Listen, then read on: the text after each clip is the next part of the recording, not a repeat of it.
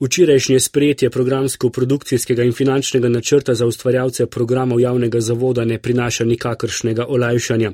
Prinaša le skrb, kako v skladu s sprejetimi načrti in posledično z okrnjenim programom še vedno uresničevati javno poslanstvo, ki pa ga žal marsikdo, med njimi tudi takšni, ki neposredno odločajo o podobi javne RTV, sploh ne pozna.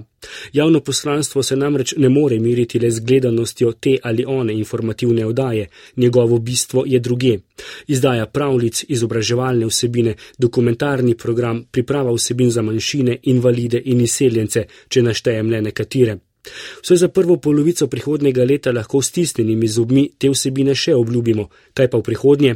Odgovor je jasen. Tudi to bo končalo v tabelah in na seznamih krčanja, racionalizacije, optimizacije in kar je podobnih pogosto preveč s populizmom posejanih besednih zvez. Zato se na tem mestu vprašajmo samo dvoje. Spoštovana ustanoviteljica, kaj želiš od javne RTV in kako bomo skupaj to zagotovili? Tako da boš v novič preslišala opozorila o nujnih sistemskih rešitvah financiranja, pač ne.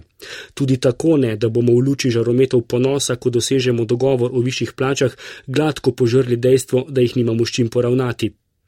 Mačehovskega odnosa smo sicer vajeni, a potem, spoštovana ustanoviteljica, povej na glas tudi, da te sistemske rešitve ne zanimajo, pa čeprav na račun tega, da so vse bolj okrnjeni načrti v bistvu le etapa v dlje časa napovedani sedmini po pogrebu javnega medijskega servisa.